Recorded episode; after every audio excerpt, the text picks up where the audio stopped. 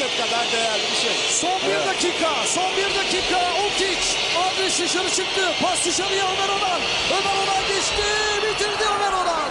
Ömer Onan basketi buldu, sağ turnikeye attı Ömer Onan. Yine- 84-80 yine oldu. sakin. 47 saniye var.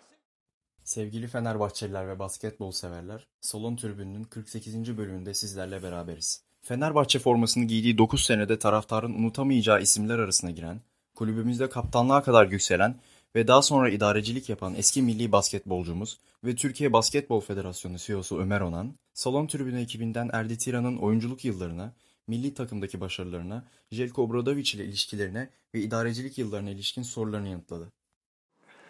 Çok kıymetli ve değerli Ömer abicim. Öncelikle e, röportaj isteğimizi kabul ettiğiniz için Salon Tribünü ekibi adına size çok teşekkür ederiz. Gençlik yıllarını Abdi İpekçi, Sinan Erdem ve Ülker Spor Sayma Tribünü'nde geçirmiş insanlar olarak e, Fenerbahçe'mizin sizin gibi unutulmaz bir oyuncusuyla röportaj yapması bizi çok mutlu ediyor.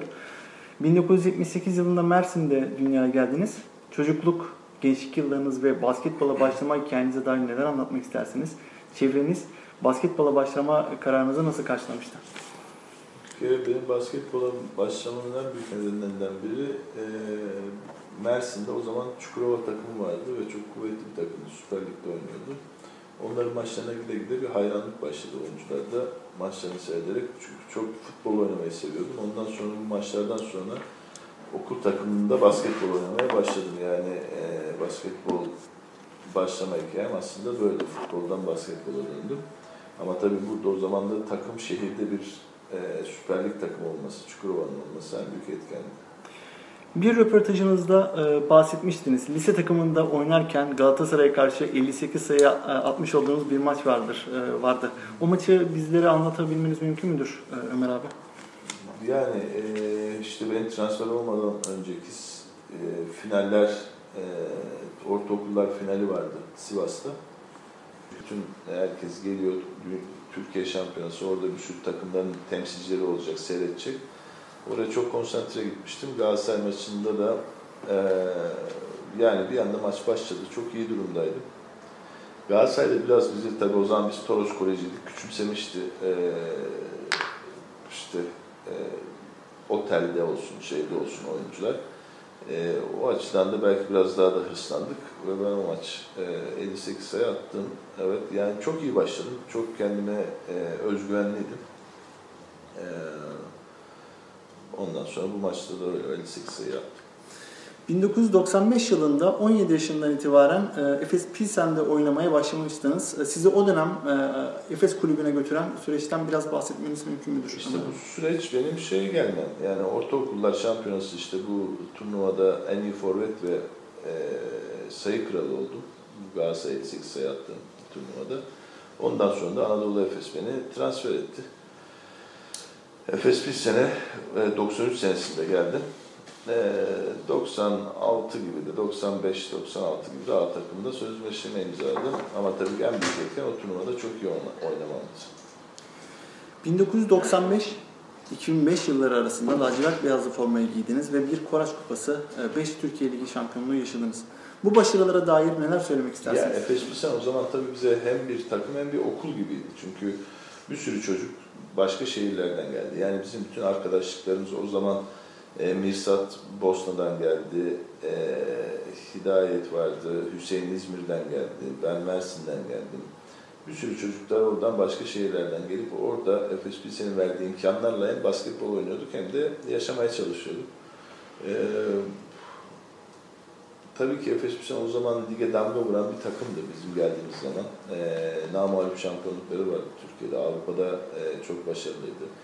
E, o açıdan oraya layık veya orada A takıma çıkabilmek için çok ciddi bir e, çalışma düzeni vardı. E, ben de Efes Pilsen takımında e, 23 yaş gibi çok küçük bir yaşta kaptan oldum. 5 tane de Türkiye şampiyonluğu kazandım. O açıdan orada geçirdiğim günler de çok kıymetli, çok değerliydi. E, Milli formayla bizim de halen gururlandığımız 2001 yılında e, kazandığımız Avrupa ikinciliğini biraz e, bizlere anlatabilir misiniz Ömer abi? Sizce o başarı ülke basketbolunda neleri değiştirdi? 2001'deki Avrupa ikinciliği, e tabi o zaman takım sporlarında alınmış en iyi başarıydı. İlk defa basketbolda da bir Avrupa finali e, gördük. Orada ben e, daha yaşımız çok gençti tabii tecrübeli çok oyuncularımız vardı. Yani kendi evinde, kendi seyircinin önünde o heyecanı, mutluluğu yaşamak tabii ki çok özel e, ama ondan yani basketbol e, ondan sonra bir ivme kazandı diyebiliriz. 2004-2005 sezonunda Aydın Örs yönetimindeki Fenerbahçe'mize transfer oldunuz. Transfer süreci nasıl gerçekleşmişti Ömer abi? Ee, o zaman Anadolu Efes'te Oktay Hoca vardı. Oktay Hoca ile çok e, yani çok süre alamıyordum. O da beni tercih etmiyordu. E, kalabilirdim ama oturmak yani bir iki sene çok oynamadan oturdum. E, ve Fenerbahçe zaten ben bir Fenerbahçeliydim. Bunu da herkes biliyordu zaten. Efes'te oynarken de biliyordu. E, o zaman Fenerbahçe ilk defa e, kulüp takımlarından Fenerbahçe yatırım yapmaya karar verdi. Ve Aydın Öztürk'le anlaşıldığı e, duyuldu. Aziz Başkan orada tabii ki bu işte e, kulüp bazında da kulüpleri de yarışmacı yaptıran ilk hamlesiydi. Kesinlikle. E, Aziz Yıldırım'ın ve e, Aydın Öz gibi çok değerli bir hocayı ikna ederek getirdi. Mahmut abi de o dönemde birlikteydi. E, Aydın abi de benle de böyle bir görüşme geç, geçildi. Ben de artık oynamak istiyordum ve e, Fenerbahçe'nin hedeflerinin ileride çok büyük olacağını e, zaten Az Başkan da anlatıyordu. Aydın abiyle de hep birlikte e, Fenerbahçe'ye ben de transfer oldum. Takımımız o sezonda önemli bir başarı yakaladı ve Euro Cup Challenge'da Final Four'a kadar yükseldi. Yarı finalde kaybettiğimiz Kiev maç, maçında e, sizce neler yanlış gitti Ömer abi? Ayrıca yine o sezon Beşiktaş ile aynı organizasyonda oynadığımız unutulmaz maça ve e, atmosfere dair neler hatırlıyorsunuz? Bir kere maçı tabii ki maçında artık çok üstünden zaman geçti yani hatırlamıyorum ama kendi seyircimiz önünde kazanmamız gerekiyordu. Ama tabii takım çok mütevazi bir bütçeyle kurulmuştu. O zaman yaptığımız çok büyük başarıydı. Yani Aydın Öz ekibi ve oyuncuların gösterdiği müthiş bir özveri vardı. Ee, Beşiktaş hatta Beşiktaş o zaman kadro olarak bile bizden daha e, bütçe olarak daha yüksek bir kadroydu. E, ama seyirci avantajı bizdeydi. Ki ilk maç e, biz Beşiktaş'ı yendik. 3 maç üzerinden de e, tabii ki seyirci yarı yarıyaydı. Sonra Beşiktaş bizi kendi evinde yendi. Bir birken son maçı e, müthiş bir atmosfer vardı ve iyi oynayarak kazandık. Tabii gönül isterdi ki orada şampiyon olalım. E, Kiev'i yenelim. Ama Kiev o zaman yani bence daha iyi savunma yapabilirdik. E, bir de seyirci tabii ki çok büyük etken ama e, biraz o seyirci e, stresini yaşayan oyuncularımız da oldu diyebilirim. E, ama güzel bir turnuva geçti ve ilk senesinde kadar mütevazi kurulmuş bir takımın e, hem Süper Lig'de bir sürü takımı yani ülkeyi, Anadolu Efes'i e, zorlayan ve üzerinde de Avrupa'da da e, böyle bir e, üçüncü olmuştuk herhalde. Üçüncü, yok dördüncü olduk Dördüncü abi. olmuştuk. E, Final Four'a kalmak üçüncü kupada bu da önemliydi. Kulübümüzün e, 100. yılında uzun yıllar sonra ilk Türkiye Basketbol Ligi şampiyonluğumuzu e, yaşamıştık. Bu başarı sizin için ne anlam ifade ediyor Ömer abi? Bir kere benim hayatımdaki en önemli şampiyonluklardan bir tanesiydi 2007. Çünkü e, biz o sene e, bütün camia, başkanından e, taraftarına kadar herkes o kadar yoğun hissetti ki 100. seneyi. Ertuğrul Hoca da aynısını söylemişti. Üstümüzde öyle bir yük oldu ki yani yük aslında bu güzel bir şey. Çünkü ben de bu camiadan yani ben de Fenerbahçe taraftarıydım. E, 100. sene herkesin çok büyük fedakarlıkları vardı. E, Aziz Başkan da şampiyon olmak için bütçeyi işte ülkeyle birleştirdi. E, Euroleague takımına döndürdü ve artık şampiyonlukları kovalayan bir takım olmak istiyordu. Her branşta şampiyonluk e, istiyordu seyirci camia. E, büyük bir sorumluluktu. Ben orada o final serisindeki o maçları hiçbir zaman unutamam. Bence hayatımın en anlamlı, en güzel şampiyonluğuydu. E, çok acayip bir atmosfer vardı. Bizim aramızda çok iyi bir arkadaşlık, aile ortamı vardı. E, kamp, final serisinde hiç kamplardan çıkmadık final bitene kadar. Hep otelde, iki gün ara olmasına rağmen otelde geçiriyorduk.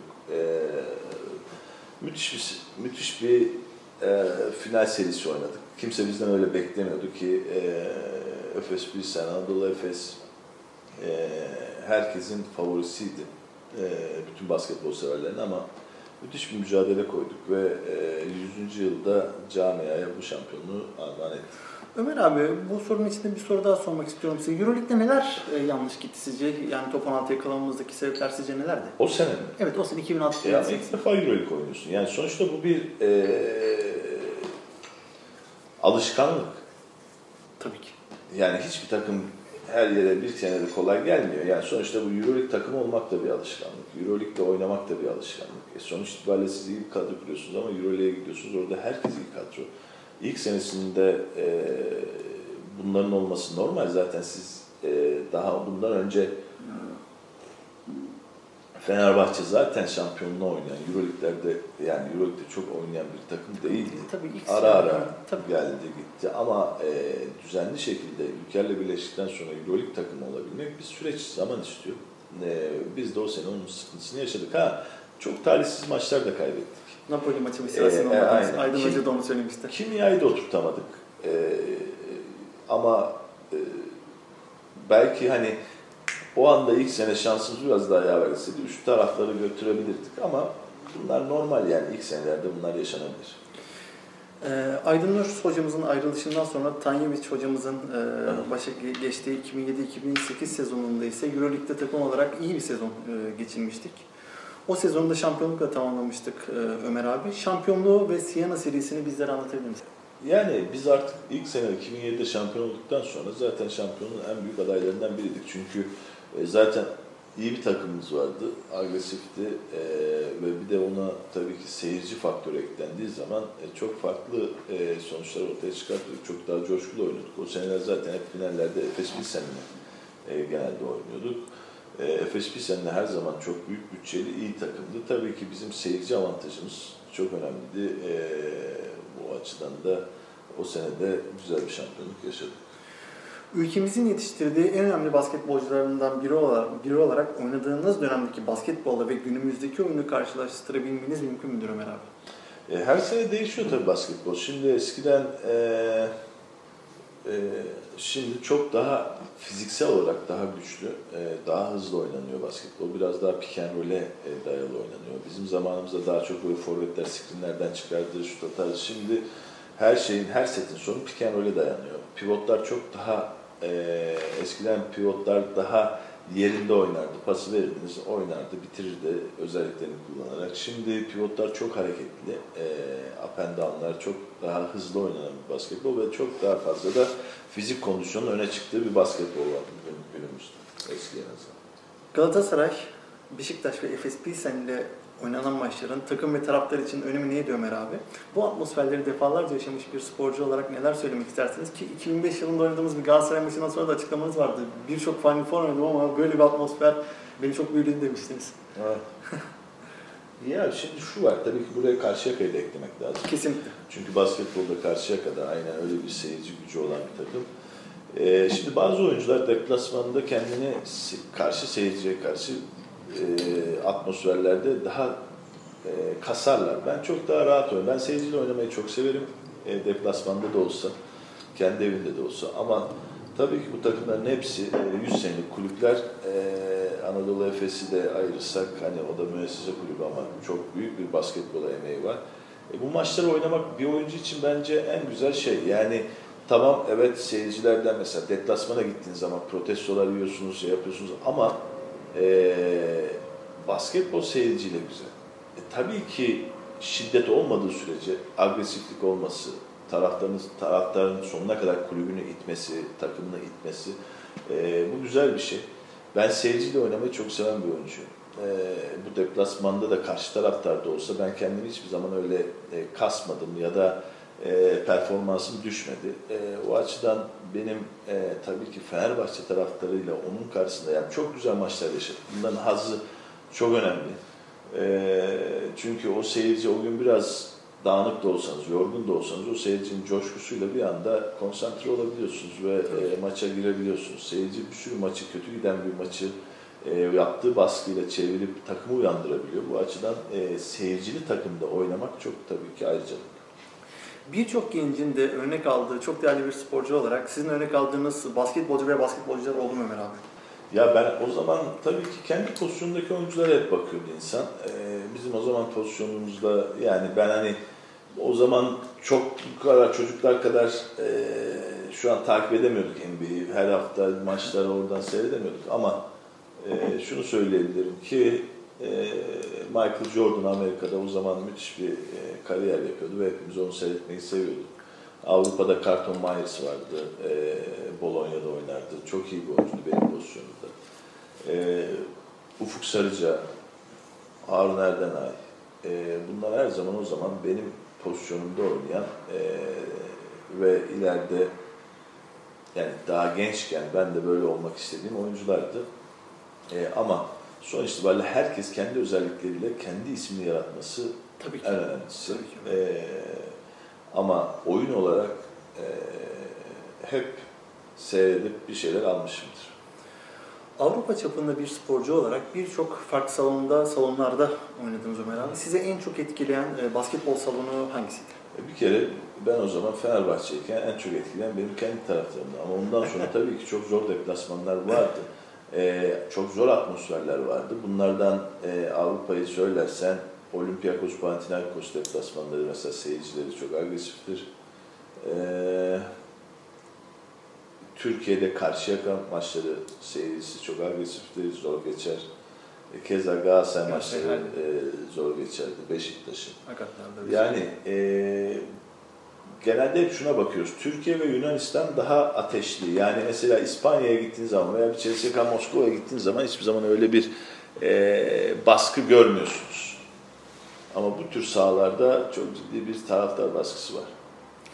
Forma numaranız olan 7'nin sizin için anlamı neydi Ömer abi? Nedir? Ya 7 ben Mersin'de 7 giydim hep.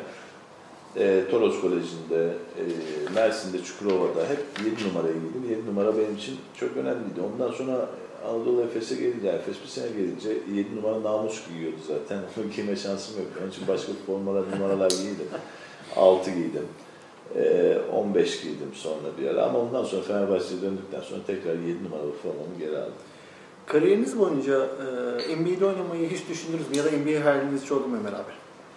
Ya NBA hayalim e, muhakkak tabii ki insan kendini orada hayal etmek ister ama benim pozisyon itibariyle tek pozisyonda o zaman çok kolay değildi. E, sonuçta NBA'de oynamak fiziki şartlarının da uygun olması lazım. Yani buna da nedir mesela NBA'de Avrupa'dan bakıyorsunuz hep 2-3 pozisyon oynayabilen oyuncuları daha çok tercih ediyorlar. Tek pozisyonda oynayan oyuncuları e, point guard veya olmadığı sürece çok zor. Yani önümüzde o zaman çok Avrupa yıldızlar vardı. Yani mesela Yaskevicius, Navarro, e, Sponlis bunların hepsi gitti orada yani gittiler ama 10. oyuncu oldular ve hepsi geldi. Bu, bu kadar değerli olmalarına rağmen. Avrupa'da bu kadar. O açıdan yani tabii biraz orada daha işte şimdi Hidayet Başkan o zaman onu gitti 16 sene oynamıştı. Ya onun pozisyonunda hem forvet gibi oynayıp hem boyu 2.7, 2.8 olup 2-3 pozisyon oynayan oyuncuları daha çok tercih ediyorlardı.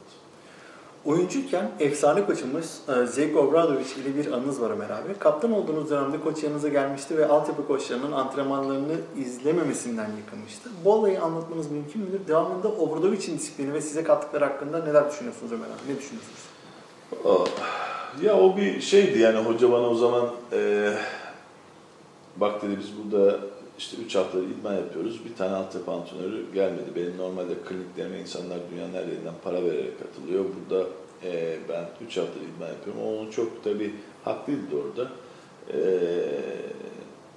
hocayla ya hoca bir kere en büyük özelliği e, her sene sanki ilk senesiymiş gibi e, motive gelmesi. Yani bu kadar başarı kazanmış ee, ama bakıyorsunuz sezon bir başlıyor sanki ilk defa hayatında şampiyon olacak veya ilk defa bir takım çalışacak bir şey heyecanı ve agresifliği var.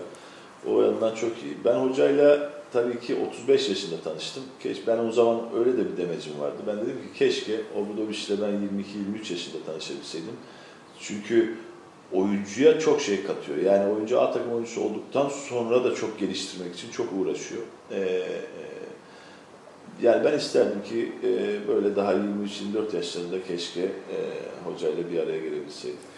Ömer abi ayrıca size şu soruyu da ben sormak isterim. Obradovic ve Aydın Öz gibi çok değerli iki koç ile çalışan bir oyuncu olarak bu iki isim e, arasındaki Ama farklar neler? soru, yani ikisi de farklı özellikleri olan aslında saha içinde e, yani çok disiplinli, ikisi de çok disiplinli.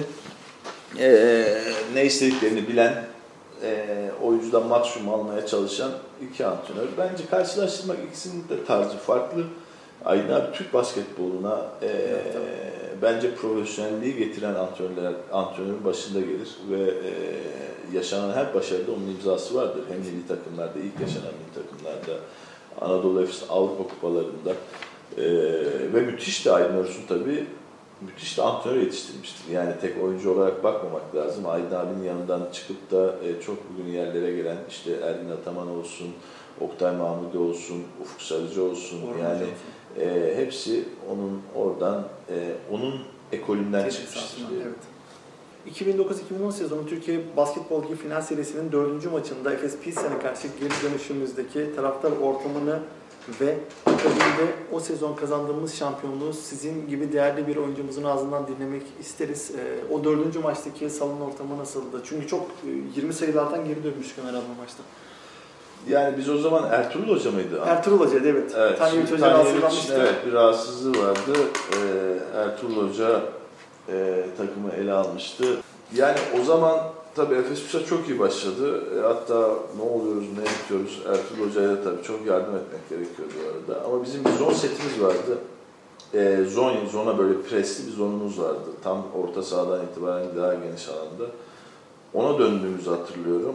Ve öyle olunca da çok agresif bir savunmaya başladık. Agresif bir savunmaya başladık ve kaptığımız toplarla fast break biraz fark indirince seyirci de acayip coştu. İnanılmaz Ee, bir öyle olunca biz daha fazla coştuk. Ee, ve Efes yani Efes Pilsen'in oyuncuları o anda ona çözüm üretemediler o yaptığımız zona.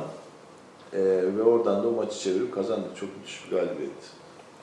Ömer abi milli formuyla 2010 yılında kazandığımız dünya ikinciliği sürecini e, bizlere anlatabilmeniz mümkün müdür acaba? Yani e, işte o da benim hayatımda kariyerimdeki en önemli e, turnuvadır. E, yani bana hep sorduklarında 2007'deki şampiyonluk şampiyonluklarım arasında en değerlerinden bir tanesi dedim. 2010'da finali de herhalde tüm kariyerim boyunca beni en çok gururlandıran e, turnuvaydı. Çünkü e, ilk defa şimdi hala takım sporlarında dünya finali oynayan bir takım yok. E, bu bizim için çok müthişti tabii kendi seyircimizin önünde. Ankara'da başlayan bir ilk gruplar vardı. Ondan önceki turnuvalar çok iyi gitmiyordu. Herkes de e, çok ağır eleştiriyordu biz basında. E, fakat turnuva başladı. İyi başladık. E, ama bir Yunanistan maçı vardı 30 Ağustos. Tam Zafer Bayramımıza da denk evet, gelmişti evet, evet. Ankara'da. Yunanistan o zaman çok iyi bir takımdı. Tabii ki. Ama Tabii. Yunanistan'ı biz çok farklı yenince o anda biz artık havaya girdik diyebilirim. Yani eee, finallerde gidebileceğimiz her yere kadar bir acayip bir özgüven geldi üstümüze. Bu maçtan sonra eee, herkes daha fazla inandı. İstanbul'a geldik. Ondan sonra da yani Slovenya, Fransa bu takımlar maç başlıyordu 20 oluyordu. Yani hele ki Fransa o zaman sürü oyuncusu NBA'de oynuyor, Batumlar işte yani kimler herkes var orada. Ama o kadar agresif oynuyorduk ki yani Hidayet, Kerem, ben hani biraz daha tecrübeli biz oyuncularımız vardı orada. Kerem Gönlüm olsun ama gençler de Ömer Aşık, Semih, e, Oğuz Savaş e, bunlar ilk oynadıkları turnuvalardı. Yani Ersan zaten bizim jenerasyon diyebiliriz. Ender hani 3-5 yaş küçük ama hep o tecrübedeydi. Ama o gençler de müthiş enerji koydu. Özellikle Ömer Aşık'ın müthiş bir savunması vardı. Ee, yani Ömer Aşık karartıyordu Semih'le birlikte. Semih'in en iyi zamanları. Oğuz. Yani e, müthiş bir turnuva yaşadık. E, ve finalde de Amerika ile yani ben hep onu üzülürüm. Belki Amerika'yı yine yenemezdik ama keşke yani her çeyrek finalden yarı final maçları arasında bir gün dinlenme varken biz finali e, yarı finali oynadıktan 24 saat bile geçmeden Evet. parkeye çıktık. Yani Evet. keşke biraz daha dinlenme şansımız bir gün aramız olsaydı da biz orada e, o maçı öyle oynamak isterdim. Ama Türk halkının o coşkusunu, insanları sokağa dökmeyi, yani bize biz tabii o zaman çok anlamıyorduk ama maçtan sonra yani maçın olduğu dakika sokaklarda araba yoktu. Evet. Dev ekranlar her yere kurulmuştu. Yani bu gururu hem biz yaşadık hem ülkemize yaşattığımız Tabii için ki. E, benim için hayatımdaki en önemli turnuvadır. 2010-2011 sezonunda e, Euroleague'de playoff'a kalma ihtimalimiz çok yüksekti e, Ömer abi o ilk 3 maçtan sonra ama maalesef e, başaramadık olmadı. Son 3 maçta e, neler yanlış gitti e, Ömer abi? Zalgiris maçı deplasmanıyla birlikte başlayan. Aynı sezon Galatasaray'a karşı Abdi İpekçi'de kazandığımız maç ve akabinde gelen şampiyonlar dair neler söylemek istersiniz? Valla biz 3'te 3 yaparak Zalgiris deplasmanına gittik. Takım çok iyi durumda. Gerçi orada biraz sakatlıklarımız da vardı. E, Marco herhalde kasında bir sakatlığı vardı. Onda. Ama Zalgiris maçının hiçbir Zalgiris'in e, iddiası olmamasına rağmen orada bir e, yani maçın bir türlü kopmasını istemediler. Yani hakemler de çok kötüydü o gün. Çok E, servis atış yapmışlar Ömer abi. ee, yani karşı takıma hiçbir amacı kalmamış bir takıma bu kadar e, yani bize kolay faal çalıp karşı takıma zor çalıp yani biraz dengesini bozdular diyebilirim. Ha bizim de hatalarımız oldu. Eksiklik belki çok yani o maçı kazansaydık zaten liderliği garantiliyorduk. Evet. Ee, ama ondan sonra da her şey ters gitti. Yani e, kendi evimizde Olympiakos'u yensek 16'yı öndeydik abi. öndeydik. O maçı kaybetmenin izahı yok. Yani orada e, bu tamamen bizim oyuncuların e, veya teknik ekibinin yaptığı yanlışlardan alakalı. E, belki orada çok daha belki tedirgin olduk. Olmamamız gerekiyordu. Yani o maçı kaybetmememiz gerekiyordu. Çünkü Olympiakos'u yensek yine bizim lider çıkacaktık. E, son maç Valencia deplasmanına kaldı. E, orada Valencia deplasmanında son Çok maç bu işler kolay olmuyor. Yani biz kendi elimizde aslında o sene Final Four oyun %90 Final Four oynardık diyebilirim ben sana. O çok yazık olmuş bir senedir. Yani benim içimde en çok eee içimde yara açmış eee, bir sezondu. Çünkü Fenerbahçe o sene Final Four oynayabilir. Gerçekten çok iddialı bir tribün ortamı değildi Ömer abi. Hatta sosyal medyada Facebook üzerinden de adım adım Final Four diye yazdığımı hatırlıyorum ben şahsım adına Ömer abi. Ee, 2011, 2012 ve 2012-2013 sezonları ise ligde ve Euroleague'de istediğimiz, istediğimizi alamadığımız sezonlarda. Bunun sebepleri sizce nelerdi Ömer abi? Ya o zaman bir türlü bir takım kimyasını oturtamadık. Devamlı çok antrenör değişti. Geldi, e, Pianciani geldi. E, Pianciani ile de kimyamız, kulübün de kimyası, kendisinde kimyası çok uyuşmadı. E, oralar böyle kötü gitti. E, isim oyuncular alıyorduk ama genelde artık e, nasıl denir? Yani kariyerin sonuna gelmiş iyi oyuncuları alıyorduk. E, sakatlıklar oldu. Takımın kimyası bir türlü oturmadı. Aslında oralar evet 2-3 sene e, kötü gitti diyebilirim. Yani Nemin Spaya'nın o sene Final Four'u oynayabilme ihtimalinden sonra değişen süreçte e, çok iyi gittiğini söyleyemem. E, bunun tabii nedenleri dediğim gibi belki koç aldığınız koçun kimyasının uyuşmaması, oyuncuların geldiği gelen yabancı oyuncuların kariyerlerinin böyle hep genelde sonunda olmaları, e, hepimizin takım olmamasına oyuncuların da hatası olabilir ama o seneler iyi gitmedi. Ömer abi 2013-2014 sezonunun meşhur Galatasaray final serisinde ikinci maçta e, takımın Bieli, Nemanja Bielisa'nın üçlüğünden sonra verdiği reaksiyon ve müthiş geri dönüşten bir, e, biraz bizlere bahsedebilir misiniz? 74-73 kazandığımız ikinci maç. Vallahi hatırlamıyorum. Yemin ediyorum hatırlamıyorum. Yani hani e, hiç hatırlamıyorum. Euroleague'de neler yanlış gitti Ömer abi? Obradovic'in ilk senesi. Evet ilk senesi olmuyor Ömer abi. Yani sonuçta orada benim hatırladığım e, Guard'da biraz e, istediğimizi alamadık. Ya sonuçta bir Obradovic geliyor. Şimdi insanlar herkes zannediyor tamam kesin Final Four oynadı. Ya o zaman çok ciddi bütçeli takımlar var. Ve Obradovic de geldi. E, bir düzen oturtmaya çalıştı. İlk senesi. E, oynayabilir miydik? Oynayabilirdik Final Four ama istediğimiz gibi gitmedi. Yani hocanın Özellikle top 16'da. e sonuçta bir e, kulübe geliyorsunuz, bir şeyleri değiştirmeye çalışıyorsunuz. Bu kulüpte yıllardır çok büyük paralar harcayıp Final Four oynamak isteyen bir takım. E, e, yapamamanın verdiği de bir stres var. E, hoca kendini oturtana, sistemini oturtana kadar bir zaman geçmesi gerekiyor. O açıdan e, bence e, o sene oynayamadık ama sinyal verildi. Yani artık bu takım Final Four takımı olabileceğinin sinyalini verdi. Ondan sonraki senelerde seri olarak senin de bildiğin gibi zaten Final Four'lar başladı. Ömer abi, e, şimdi sizin gibi değerli bir abimizden bu sorunun cevabı benim için çok değerli. 17 Ekim 2004 tarihinde Milano maçında e, formanız salonunda Evet. salonumuza asılmıştı. O an neler istemiştiniz? Sizin gibi efsane bir- Yani e, tabii ki çok duygulandım bir kere. Ağlama yani zaten e, kendime de çok hakim olmaya çalışıyordum. E, müthiş bir duygu seli yaşadım. E, çocuklarımla sahaya çıktım. E, onların hani Yiğit benle birlikte büyüdü diyebilirim. Yani her yerde vardı ama ikizler daha küçüktü. Çok anlamıyorlardı ama e, yani yıllarca verdiğin emek, e, özveri e, kendi camianda, seyircinin önünde o formanın oraya asılması e, bana göre yaptığın işi ne kadar doğru yaptığını, e, insanlara, camiaya o enerjiyi geçirdiğini, e, onların sevgisini, saygısını kazandığını ve onun karşılığında da bunu almak. Yani ben bir oyuncu için e, en önemli şeylerden bir tanesidir. Yani bence bana göre şampiyonluklar kadar önemli. E, o açıdan tabii ki çok büyük bir gurur. E, her güzel şeyin bir sonu var. Sonuç itibariyle bu da önemli. Yani oyuncular ne zaman bırakacağını bilmesi de, e, nerede final yapmasını bilmesi de önemli. Çünkü hiç hepimiz yarış atı gibi yetiştiriliyoruz. Sporda özellikle üst düzey oynuyorsanız ve insan hiçbir zaman bırakmak istemiyor. Yani beyin hiçbir zaman bırakmak istemiyor ama vücut artık e, yaşlanıyor. Bence e, ben iyi bir yerde noktaladım.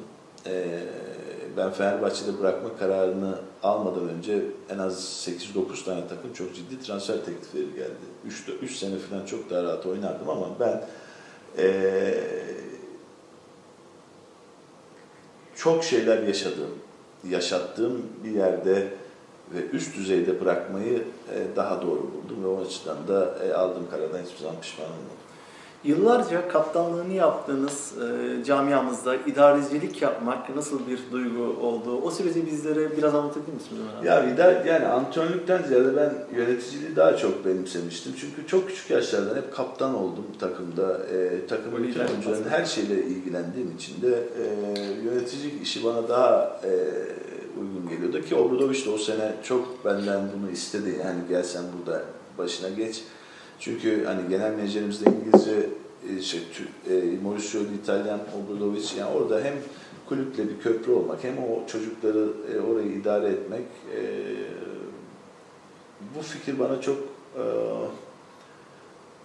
daha cazip geldi. Gidip başka yerlerde oynamaktansa o açıdan da yöneticiliğe öyle girdik. Tabii ki idarecilik çok büyük sorumluluk isteyen bir şey. Oyuncu çünkü sonuçta oyuncuyken oyununu oynuyorsun. Sonra telefonunu kapatıp öbür idmana kadar kimseyle uğraşmak zorunda değilsin. Ama idareci olduğun zaman, hele Fenerbahçe takımı, basketbol takımının idaresi olduğun zaman 24 saat açık her dakika bir problem çözücü, olay çözücü e, bulunuyorsun. E, bu, ama çok zevk alarak yaptım. Çok da güzel benim kariyerime çok önemli katkılar sağladı.